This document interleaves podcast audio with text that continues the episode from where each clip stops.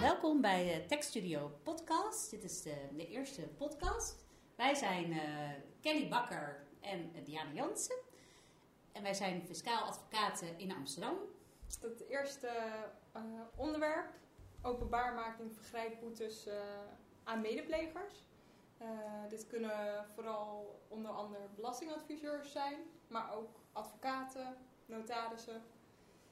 Ja, dus eigenlijk alle mededaders die, die in een uitoefening van een beroep overtreding begaan, begrijp ik. Ja.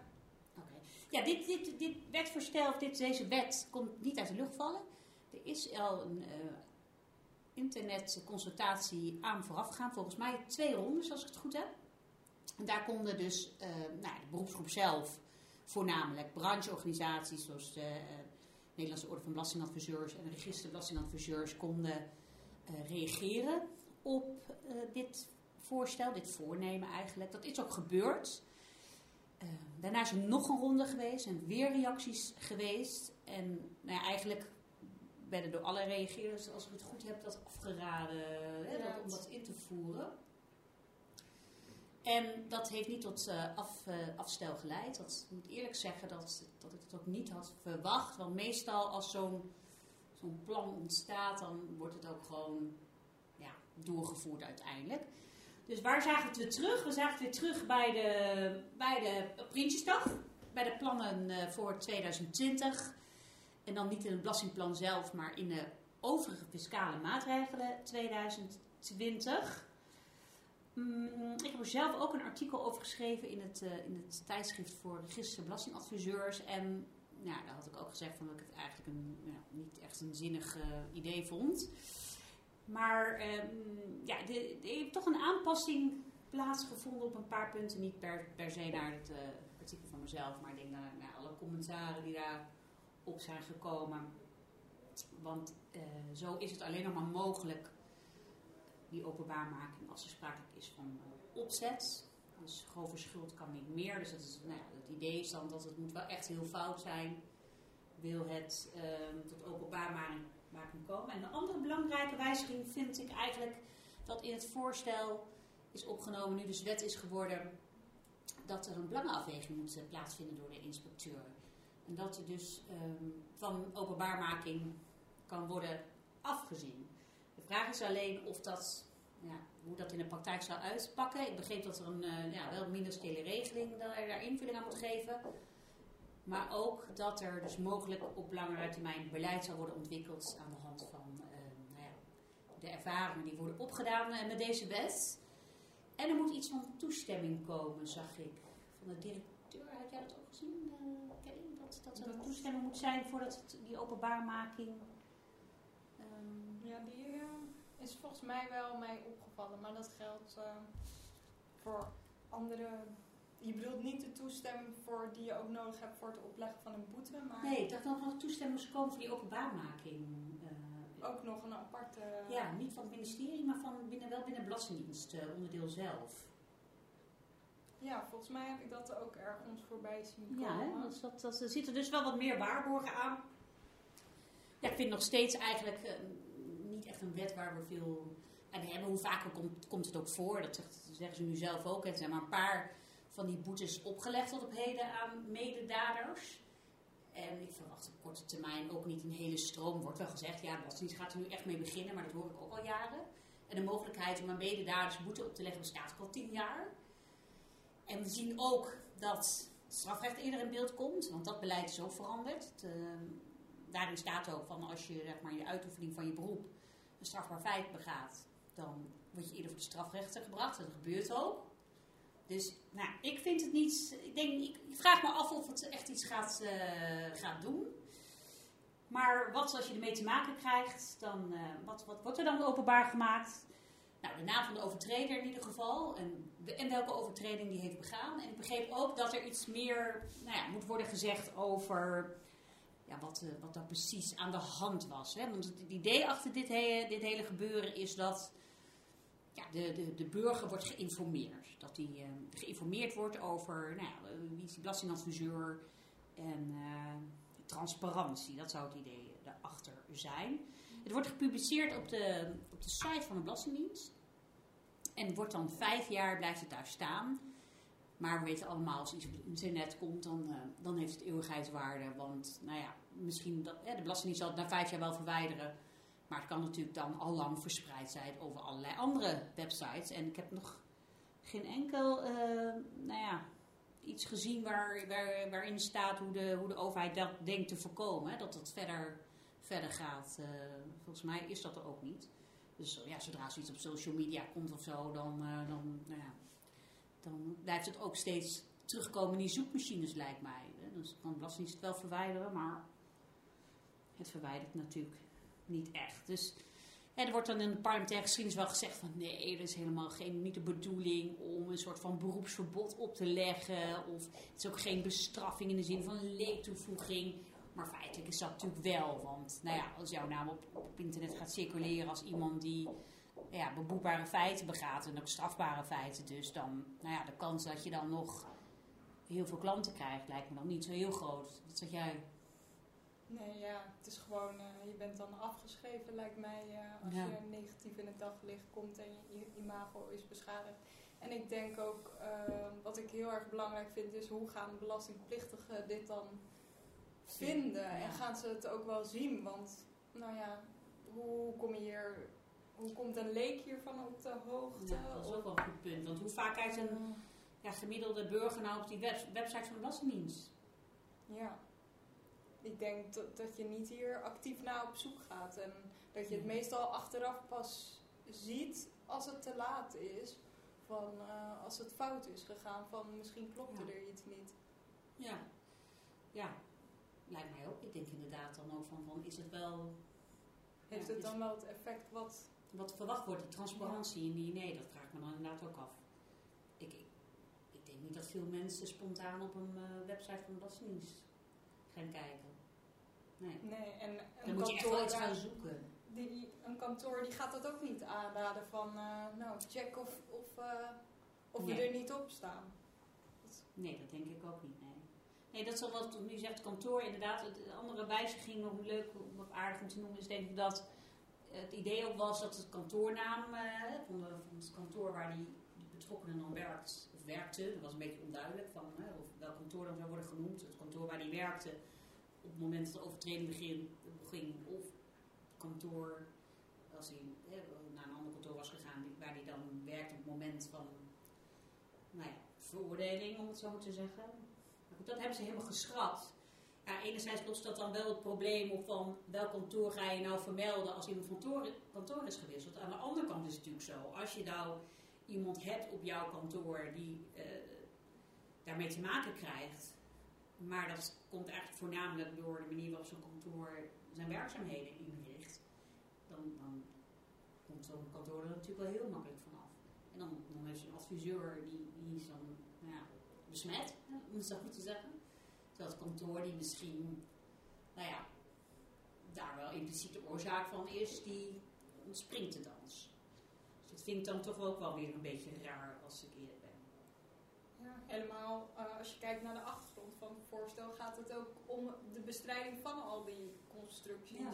Dus ja, of dit, dit erbij, deze maatregel erbij gaat helpen, dat denk ik mm. niet per se. Nee, want ook als je kijkt, want dat hebben we nog helemaal niet genoemd, hè, wanneer wordt dat dan openbaar gemaakt? Nou, het is zo als de inspecteur um, beslissing neemt, of het voornemen heeft om zo'n boete openbaar te maken, dan nou, kan de, degene die daarmee te maken krijgt, die kan daarop reageren.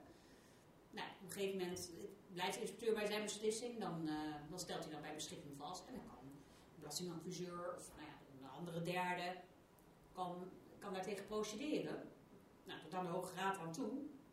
Dat betekent dat het wel echt een aantal jaar in beslag kan nemen. En het wordt pas gepubliceerd als um, de uitspraak onherroepelijk is. Dus, nou ja, wat heb je aan de informatie zes jaar later? niet veel. Uh... Nee, dat, dat, denk ik ook. Wat, wat, heb je de, wat, wat, wat voegt het dan nog toe? Hè? Als je zes jaar later dat gepubliceerd wordt, in die zes jaar dat dus diegene daartegen procedeert, ja, heeft hij misschien al een nieuwe klant aangenomen. Die weet dus helemaal niet dat, dat het speelt. Aan de ene kant ook wel terecht, want ja, stel nou dat die, die, die hele boete van tafel moet, wat natuurlijk ook wel regelmatig gebeurt, hè, dat boetes worden vernietigd door de belastingrechter. Ja, dan zou je ook wel weer besmet raken zonder dat er echt iets aan de hand is. Maar ja, het effect is denk ik wel een stuk kleiner als je het zoveel jaar later een keer op je website gaat zetten. Als ik eerlijk ben. Ja, en die ehm, zittingen zijn wel openbaar, toch? Want Ja, dat, dat vroeg me af. Volgens mij, ja, volgens mij stond, zag ik staan dat je, dat je dan een besloten zitting kon vragen. Ja, want, want Want- als het om boetes gaat, is het, is het openbaar. Als het gaat om belastingheffing niet, dan is het allemaal achter gesloten deuren. Maar als het gaat om beboeting, dan... eh, maar ja, is die beslissing om openbaarmaking, dat is dan wel toch weer iets anders. Maar ik denk dat het wel gelijk behandeld zou worden. Die boete en die openbaarmaking zullen één procedure zijn uiteindelijk. ja. Anders duurt het nog langer. Als je eerst gaat procederen over de boete en dan vervolgens gaat procederen over die openbaarmaking. Nou ja, goed, dan, dan, dan kun je misschien wel tot je pensioen volhouden om dat van die website eh, van de Belastingdienst te houden. Ja. Want dan gaat het sowieso snel dubbele tijd kosten. Zo tien jaar verder. En het kan ook niet eerder uitlekken, zeg maar, ehm, dat je fout gehandeld heeft of dat. Nee. Nee, dat is, ja, dat is dus niet de bedoeling van volgens mij. Nee. Juist om te voorkomen dat iemand beschadigd raakt zonder dat er, ja, zonder dat je zeker weet dat er echt iets fout is gegaan. Dus dat is wel goed dat die waarborg er dan in zit. Maar ja, Ja. voor de klanten weten alsnog van niks. of Nee. dat hou je natuurlijk wel... eh, En dat is wel het idee erachter. Want er staat letterlijk in die parlementaire toelichting van hé, preventie, ja, dat zal ook wel, hè, dat zal dan ook wel daardoor gebeuren. Hè, dat, dat je dan beter oplet wat je doet. Maar dat is niet het doel op zich. Het doel is echt die transparantie voor de, voor de, voor de rechtszoekende, voor degene die een belastingadviseur zoekt. Nou, ik zie daar nog allemaal wel problemen. Volgens mij zijn die problemen ook allemaal in de literatuur en in die reacties op die, eh, dat voorstel, eerdere voorstel, allemaal genoemd. Maar nou ja, zoals we wel vaker zien in het wetgevingsproces, wordt dat dan niet echt serieus opgepikt. Of in ieder geval ja, niks mee gedaan. Nou, ik denk eh, dat we dit onderwerp wel zo'n beetje hebben behandeld. Heb jij nog iets toe te voegen hierover? Nou ja, ja, dat voornamelijk bij opzet was nog wel, dat het niet meer bij schuld Ja. speelt, maar vooral bij opzet. Dat hadden wij volgens mij al even genoemd En inderdaad. dat, en dat, eh, dat de wijzigingen ook zag op alleen medeplegers en niet medeplichtigen. Oh ja, dat is nog wel een ja. ja. Ja, dat was eerder volgens mij niet, Dat, niet zo, hè? nee, dat hebben ze nog wel, eh, ja. Ze hebben wel een Ja. aantal aanpassingen nog gedaan, Ja. maar niet zeg maar. Nee, klopt. Nee, ze proberen wel echt aan te sluiten bij de zware gevallen, wat ik dan eigenlijk niet begrijp, want de zware gevallen moeten volgens het, protocol eh, waarbij beslist wordt of iemand in het strafrechtelijke circuit komt of een boete krijgt, nou juist het strafrecht in. Dus dan heb je ook niets daarmee te maken. Want als iemand strafrechtelijk wordt veroordeeld, heb je die openbaarmaking namelijk niet. Dan kan hij wel een beroepsverbod krijgen. En dat wordt ook heel vaak opgelegd. Alleen, er wordt één niet openbaar gemaakt en twee niet op gehandhaafd. Dus, nou ja, kijk, een strafblad zit niemand op te wachten. Maar als we even kijken naar, nou, wie is nou beter af qua nou ja, openbaarmaking en dergelijke, dan, dan zou je op dat punt, als je beter misschien in het strafrecht terechtkomen. Maar dat is waarschijnlijk ook wel het enige punt wat dan een voordeel oplevert. Want voor de rest is het natuurlijk echt geen feest om in het strafrecht terecht te komen. Ja, ik heb verder geen toevoegingen eigenlijk hier meer over of opmerkingen. Nee, Dan, ik ook niet, nou, eh. dan ronden we dit, eh, dit onderwerp af. Een tweede wijziging waar we mee te maken hebben dit jaar is de inkeerregeling. Is ook eigenlijk al jaren ja, een actualiteit, een voorwerp Ja. van, eh, van veranderingen en, en wijzigingen. Niet alleen wettelijk gezien, maar ook als het gaat om het beleid op dit punt. Ja, jij hebt het toen een keer helemaal op een rij gezet, eh, dat beleid Kelly. eh, want dat was best wel veel ja, veranderingen hè, elke keer van Percentages vooral en dan hoe hoog de boete moest zijn. Zijn. Ja. Vooral dat is gewijzigd. Maar nu zijn er nog meer wijzigingen op komst en blijft er niet meer zoveel overeind. eh. blijft niet zoveel, nee, er is niet zoveel meer in te keren Nee. eigenlijk. Hè? Want we, want we zagen natuurlijk een aantal jaar geleden dat die, volgens mij was het al 2010, ja, tijd gaat snel. Dat die inkeerregeling op een gegeven moment werd ingeperkt. Want e- ja, in eerste instantie was die onbeperkt. En het idee daarachter was, van ja, als iemand dan nou ja, tot inkeer kwam hè, of schoon schip wilde maken, dan, dan moet je eigenlijk niet zoveel belemmeringen opwerpen. Dus eigenlijk door hem geen boete op te leggen, ja, iemand, is het makkelijker om dan eh, die inkeer te doen dan wanneer je ook nog tegen hoge boetes aankeek. op een gegeven moment, toen, toen was er in de Kamer, ehm, volgens mij een aantal Kamerleden, die, die zeiden van ja, dat moet toch niet onbeperkt kunnen. En dat was in de periode dat ook de boete voor box 3 is verhoogd naar 300 procent, sparen en beleggen. En uh, toen is dat uh, de beperking opgenomen, alleen voor aanslagbelastingen, dus wel voor inkomstenbelasting en vennootschapsbelasting, dat je dan maar um, ja, één keer geldt voor de eerste, de, de, nieuwste twee jaren, komt het op neer. En daarna, oudere jaren, was dan een strafverminderende omstandigheid. Nou, begon het inderdaad op 15%. En wat jij net zei, het, daarna is het alle kanten op gegaan eigenlijk. Hè. Zo zelfs een keer naar nul gegaan om de inkeer weer te bevorderen. En, en daarna is het vervolgens naar 60% gegaan om toch nou ja, dat het eigenlijk toch niet meer moet kunnen. Hè? Dat, dat mensen dan jarenlang belasting ontduiken en dan zonder enige vorm van bestraffing uh, dan alsnog uh, konden inkeren. Want het gold dan ook voor het strafrecht. Dat je dan ook niet strafrechtelijk vervolgd kon worden.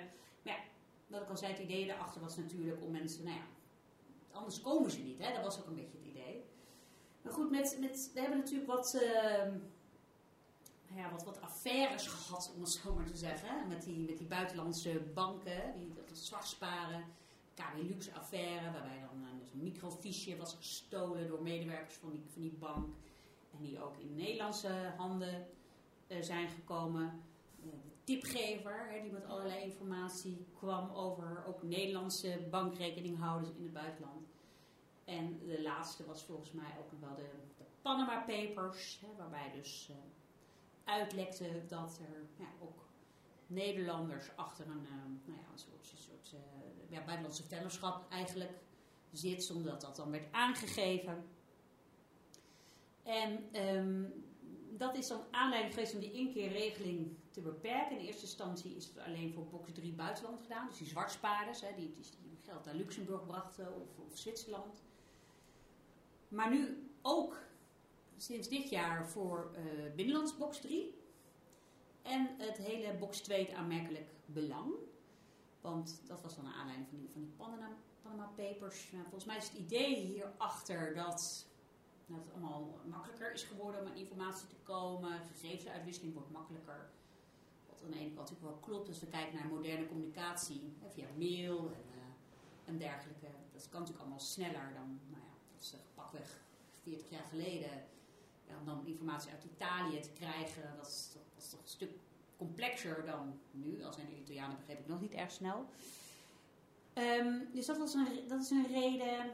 Nou ja, en ze komen zelf meer op het spoor. Dat was ook een beetje het idee. Ze hebben het niet meer nodig eigenlijk. Ja, uh, ja dat is eigenlijk wat ze zeggen. We hebben het niet meer nodig. nodig. Want we komen er zelf komen. Ja. ja. ja ik, ik, ik, weet eigenlijk niet of dat nou helemaal zo klopt. Want ik, ja, ik kan me eens even voorstellen dat je die mensen niet, uh, die, die ze jarenlang belasting ontduiken, dat je die niet wil bevoordelen. Hè, ten opzichte van mensen die nou gewoon, uh, nou ja, hangen, hè, om het zo te zeggen. Maar aan de andere kant denk ik, ja, het heeft ook wel, het was een functie. Zeker toen op een gegeven moment, ik weet nog wel, toen die, die dat beleid ging, de belasting, uh, dat die, die boetepercentage ging naar nul tijdelijk, dat heeft toch ook weer een hoop geld opgeleverd toen hebben toch mensen gedacht van uh, het, is, het is nu of, nee, hè, nu of nooit. Dus ja, kijk, je kan natuurlijk zeggen, kunnen ze niet bestraffen, maar, maar er komt wel belastinggeld binnen alsnog. Dus daar zit ook een, toch misschien een keerzijde aan. Nou, het gevolg in ieder geval van deze wetswijziging is dat het sinds 1 januari 2020 alleen geldt voor um, box 1, dus uh, werk en woning komt dan op neer. Ja, dus dat is binnenlands inkomen. Verzwegen inkomen ja, zeker binnenlands inkomen, nou, omzet uh, verzwijgen, dat soort dingen. En hoe zit het dan met, uh, uh, want zeg maar voor de aangifte, de inkeerregeling is alleen van toepassing op aanslagenbelasting, ja, zoals de... Ja, klopt. Ja. Hoe zit het dan met, ehm, met de, als je omzet verzwijgt, eh, zoals voor de omzetbelasting? Ja, als het gaat om een omzetbelasting, dat is een aangiftebelasting. Um, wetsartikel waar we het nu over hebben geldt inderdaad terecht, zegt Kelly, alleen voor aanslagbelasting. En dan hebben we het over inkomstenbelasting, vennootschapsbelasting, erfbelasting. Uh, omzetbelasting is een aangiftebelasting. En daar kennen we sinds nou wanneer is het, 2012 is het denk ik ook alweer, de, de verplichte suppletie, zoals het heet. Oh ja. En dan moet je, dat is ook een ja, verplichte inkeer is dat geworden. Um, aangiftebelasting vallen op zich buiten 67N, maar wel, ja, voor, voor de omzet was het toevallig verplichte inkeer. En als het gaat om andere aangiftebelasting, ja, dan, kan, dan kan je dus nog gewoon onbeperkt inkeren. Ja, daar Voor loonheffing of wat. Nee, nee, nee. Kijk, toen 67N eh destijds werd aangepakt, die inkeer, van, hè, dat het werd ingeperkt naar twee jaar, was natuurlijk ook een, een goede kans om te zeggen, nou dan, dan, pak, dan pakken we die aangiftebelasting ook meteen mee in die wettelijke regeling. Want dat staat nu alleen maar in beleid. Maar dat is niet gedaan.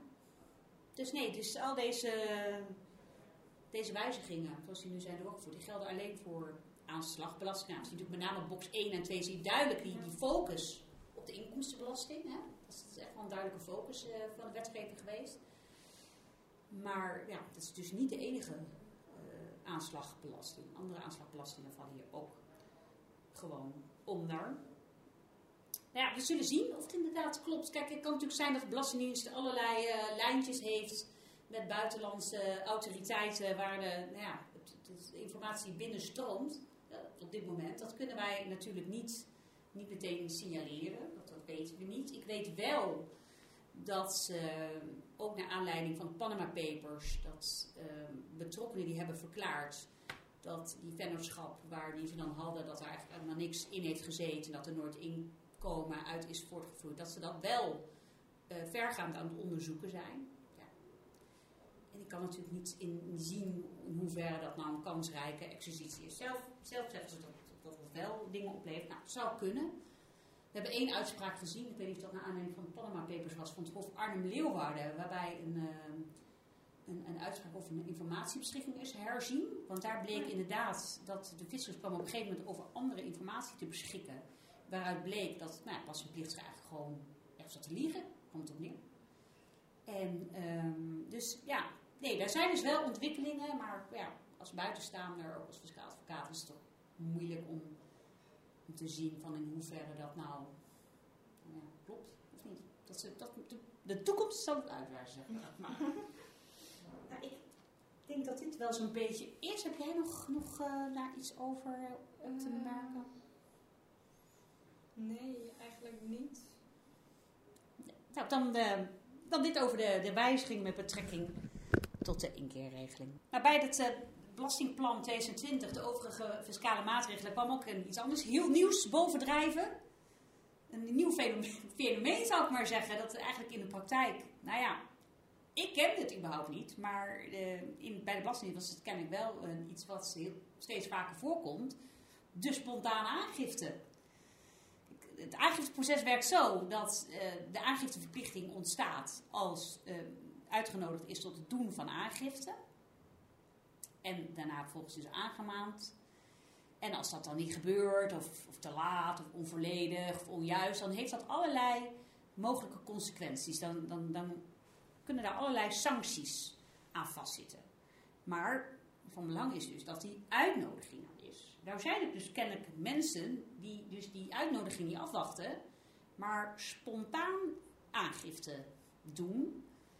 Ja, en dan, dan gelden die, ehm, die sancties dus allemaal niet. Nou ja, goed, als het iemand is die geld terugvraagt, bijvoorbeeld, eh, nou ja, Studenten ja, studenten, dan zal het wel kloppen. Vaak zal het denk ik wel kloppen. Maar er zit dus ook kennelijk een groep belastingplichtigen bij, die dus dat doen voordat ze worden uitgenodigd, zodat die consequenties niet gelden. Ja, ik vond het wel, wel nou ja, opmerkelijke ontwikkeling, laat ik het zo zeggen. Ja. En daarvoor is nu eh, een regeling getroffen.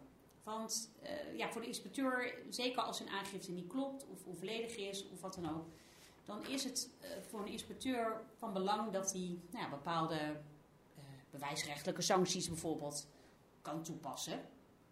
En daarom is, wordt nu de spontane aangifte op één lijn gesteld met een aangifte die is gedaan naar, eh, naar, naar een uitnodiging daartoe. Wel is het zo dat die aangifte er dan wel zo uit moet zien, zoals door de Belastingdienst, nou ja, min of meer voorgeschreven. Dus niet, ja, niet een A4'tje, beste inspecteur, ik moet 10.000 euro betalen. Dat, dat, dat wordt dan niet als een aangifte gezien. Kijk, kunt dat wel doen. Je kunt zeggen, beste inspecteur moet 10.000 euro betalen. Ehm, maar dan wordt dat weer aangemerkt als een uh, verzoek om uitnodiging uh, voor het doen van aangifte. aangifte. Ja, het was mij niet helemaal duidelijk wanneer nou uh, precies dat die aangifte voldoet aan de kwalificaties van de Belastingdienst. heb jij dat toevallig iets over gezien? Eh, wat, wat zij dan... Je bedoelt de spontane aangifte? Ja, hoe die, hoe die eruit moest zien. zien waar die grenzen precies liggen. Dat is volgens mij niet helemaal duidelijk. Waar dan precies die, hoe dat, nou ja, kijk als je het uit het systeem van belastingdienst trekt, oké, dat, lijkt me dan wel duidelijk. Die voldoet aan die kwalificaties. Maar je hebt natuurlijk veel meer softwarepakketten. Uh, waarmee je aangifte kunt doen. Dus nou ja, ik ga ervan uit dat die dan op zichzelf, waar belastingadviseurs of zo mee werken, dat die dan wel kwalificeren als een aangifte, denk ik. Ja. ja. Dan kom je snel op de vraag wanneer kwalificeert het niet meer als een aangifte. Ja. Want dat die vraag dan is bijna alles aangifte, wordt bijna alles als aangifte aangemerkt. Ja. Nou ja, als het, niet, als het niet kwalificeert, dan wordt het dus als een uitnodiging daartoe uh, aangemerkt. Maar nou ja, dat de praktijk zal moeten uitwijzen waar, wat dan wel, wat dan niet. Maar ik ga ervan uit dat de meeste softwarepakketten, die ook gewoon de professionals worden gebruikt, dat die gewoon ja, zullen volstaan als een als een aangifte, zoals de Belastingdienst dat dan accepteert. Ja. Denk ik. Nou, ik weet niet of dat in de praktijk een probleem is. Ik ken het probleem van de spontane aangifte ook überhaupt niet. maar het schijnt dus wel te bestaan. En uh, er was ook nog iets over een termijn uh, Ja, de zes maanden verlengingstermijn. Uh. En wanneer geldt die verlenging? Wanneer gaat dat in? Wanneer speelt dat? Oh ja, dat, ik zie het al. Als een um, verzoek tot het doen van aangifte wordt gedaan in de laatste zes maanden van de, van de termijn waarbinnen nog een belastingaanslag kan worden opgelegd, dan wordt die termijn met zes maanden verlengd. Want de inspecteur heeft dan wel even tijd nodig om één, die, diegene om uh, uit te nodigen tot doen van aangifte en natuurlijk een belastingaanslag vast te leggen. Want het kan natuurlijk, stel dat je een kwaadwillende belastingplichtige bent, dan kan het natuurlijk een voordeel zijn te zeggen, nou, de, de aanslagtermijn eindigt op 1 december. Ik doe op uh, eh, 29 december aangifte. En ik, ik, vul daar gewoon, nou ja, wat in. En dat de inspecteur dan eigenlijk maar niet, anders kan dan in die twee dagen een aanslag opleggen. Het is eigenlijk te voorkomen dat de inspecteur ja, in tijdnood komt of een aanslag oplegt die niet klopt. en dan kan hij nog netjes een aanslag opleggen die meer in lijn ja, en hij kan dus eerst nog uitnodigen zelfs tot het doen van aangifte. Dus, dat, uh, dus daar, dat zit er volgens mij achter. Wat ook nog maar even goed is om te zeggen dat dit dus alleen gaat gelden voor, voor aanslagbelastingen. Dus dat is de inkomstenbelasting, de vennootschapsbelasting en de erfbelasting en dergelijke. Voor aangiftebelastingen wordt wel opgemerkt dat het wordt onderzocht uh, door het ministerie in Belastingdienst of dat daar ook zou spelen. Uh, ja, wat, zie ik iets minder voor me. Want voor het, voor doen bijvoorbeeld van aangifte omzetbelasting heb je gewoon een, een omzetbelastingnummer nodig. Ja, dan ligt ook meer de verplichting bij jezelf natuurlijk om um, de aangifte te doen. Ook. Ja, dat, dat sowieso. Maar ja. het geldt, moet wel uitgenodigd worden natuurlijk. Dat geldt daar ook. Alleen, ja, de aangifte doen zonder uh, nummer is best... Ja, dan moet je dus inderdaad op papier doen of zo. Ja, ik weet het niet precies. Maar dan heb je waarschijnlijk niet aangemeld bij de KVK? Want meestal is dat toch wel gekoppeld. Ja, voor de omzetbelasting krijg je meteen een nummer. Ja. ja, en als je meteen met personeel begint ook, dan moet je dat ook meteen doorgeven bij de KVK. Maar goed, begin je dus later met personeel. Daar het lek dan, zeg ja. maar, dat je spontaan aangeeft. nee, dus ik denk inderdaad... Ik denk meer bij de inkomstenbelasting. Uh, ja, denk ik ook. Dus misschien is dat ook wel de reden dat ze kijken van, is het bij die aangiftebelastingen überhaupt wel nodig? Nou, ik denk dit over die spontane aangifte. Dat, uh, nou, een, nieuwe, een nieuwe term in het uh, fiscale recht.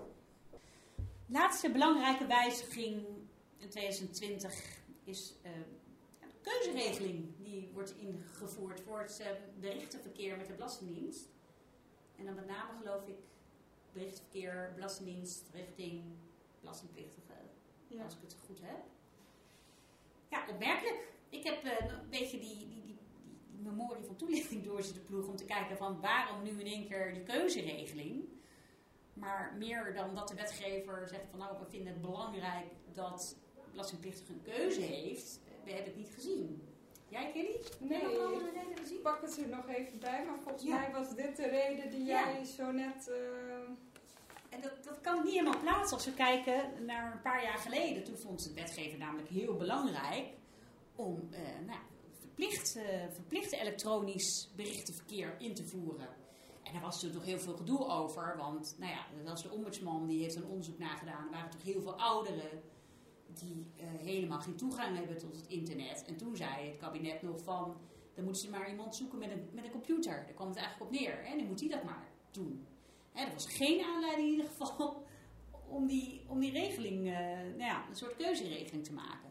Toen is er wel een soort beleidsbesluit gekomen van de staatssecretaris, waarbij dan een tijd lang, nou ja, bepaalde stukken neven geschikt gaan, zoals het gaat om de uitspraak op bezwaar. eh die moet dan ook op papier. En de Hoge Raad heeft dat ook nog eens eh, bevestigd, dat dat dan de uitspraak op bezwaar is. Hoe, hoe vaak je ook dat ding elektronisch in een berichtenbox duwt. Uiteindelijk gaat het erom of die op de post is verstuurd. Het idee daarachter was, nou ja, volgens mij, om ja, iedereen een beetje te laten wennen aan het idee, we gaan alles digitaal doen. En een, een termijn te gunnen om te wennen aan die berichtenbox. Maar ja, nu is dat kennelijk niet meer zo belangrijk. Nu zeggen ze wel trouwens ook in die toelichting van ja, ook de ombudsman zei dat het een, een keuze moest zijn. Maar nou, ik, ik kan niet helemaal volgen waarom dat nu in één keer wel een groot belang is. En, en een paar jaar geleden niet.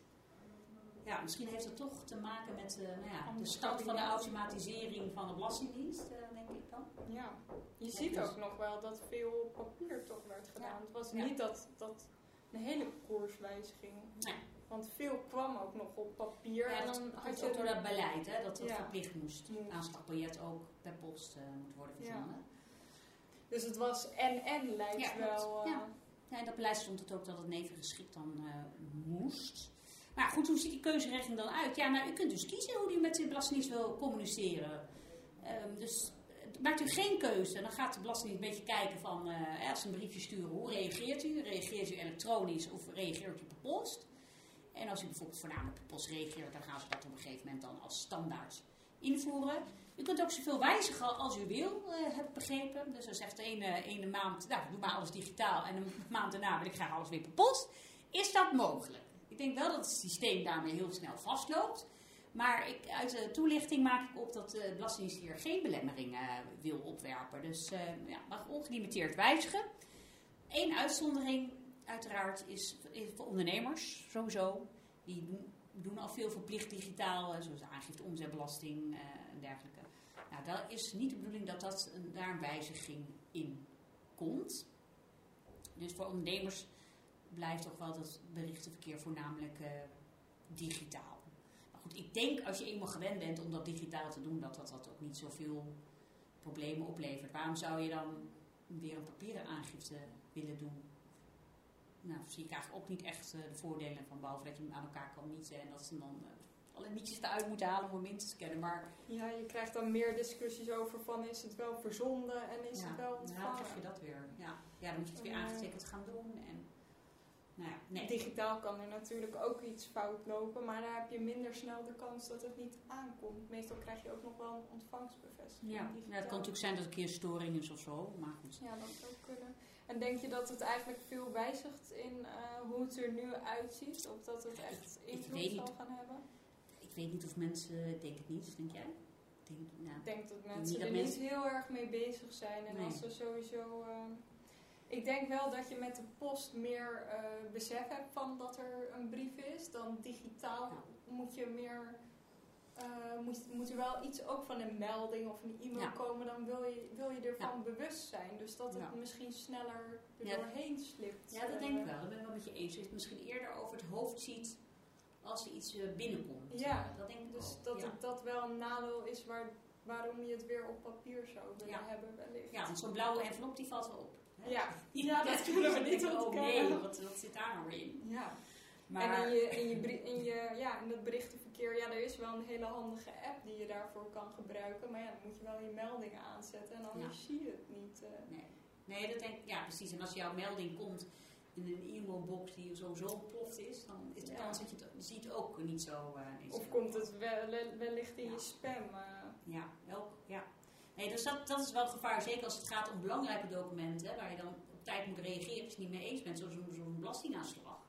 Ja, dan heb je natuurlijk zes weken de tijd om bezwaar te maken als je het er niet mee eens bent. Ja, als het ding ergens, die notificatie ergens eh, in je spambox zit, dan, ja, dan kan het zomaar over het hoofd worden gezien. Dus het kan wel weer voor het proces daarna dan wel weer nieuwe complicaties ehm, opleveren. Nou, nou, we gaan het zien Ja, hoe het, eh, hoe het benieuwd. gaat. Maar ik was, eh, ik was wel verrast dat we dan eh, nou, na die verplichte elektronische verkeer, dat we dan nu toch een keuze krijgen. Bedankt voor het luisteren naar deze ja, allereerste podcast eh, van de tekstvideo. Over de actualiteiten eh, van 2020. Ja, bedankt voor het luisteren. We hopen dat je het eh, leuk vond. En Als u vragen heeft, neem contact met ons Ja, op. Dat is altijd een goede. Ja. Mocht u vragen hebben naar aanleiding van deze podcast. Of andere vragen heeft waarvan u zegt, nou lijkt me wel leuk als die in de podcast worden behandeld. Kan natuurlijk ook. Mailt gewoon naar info.techstudio.nl En dan kunnen wij die in de volgende podcast eventueel mee. ja, wie weet eh, brengen we hem dan aan de orde. Bedankt en tot ziens. Tot ziens.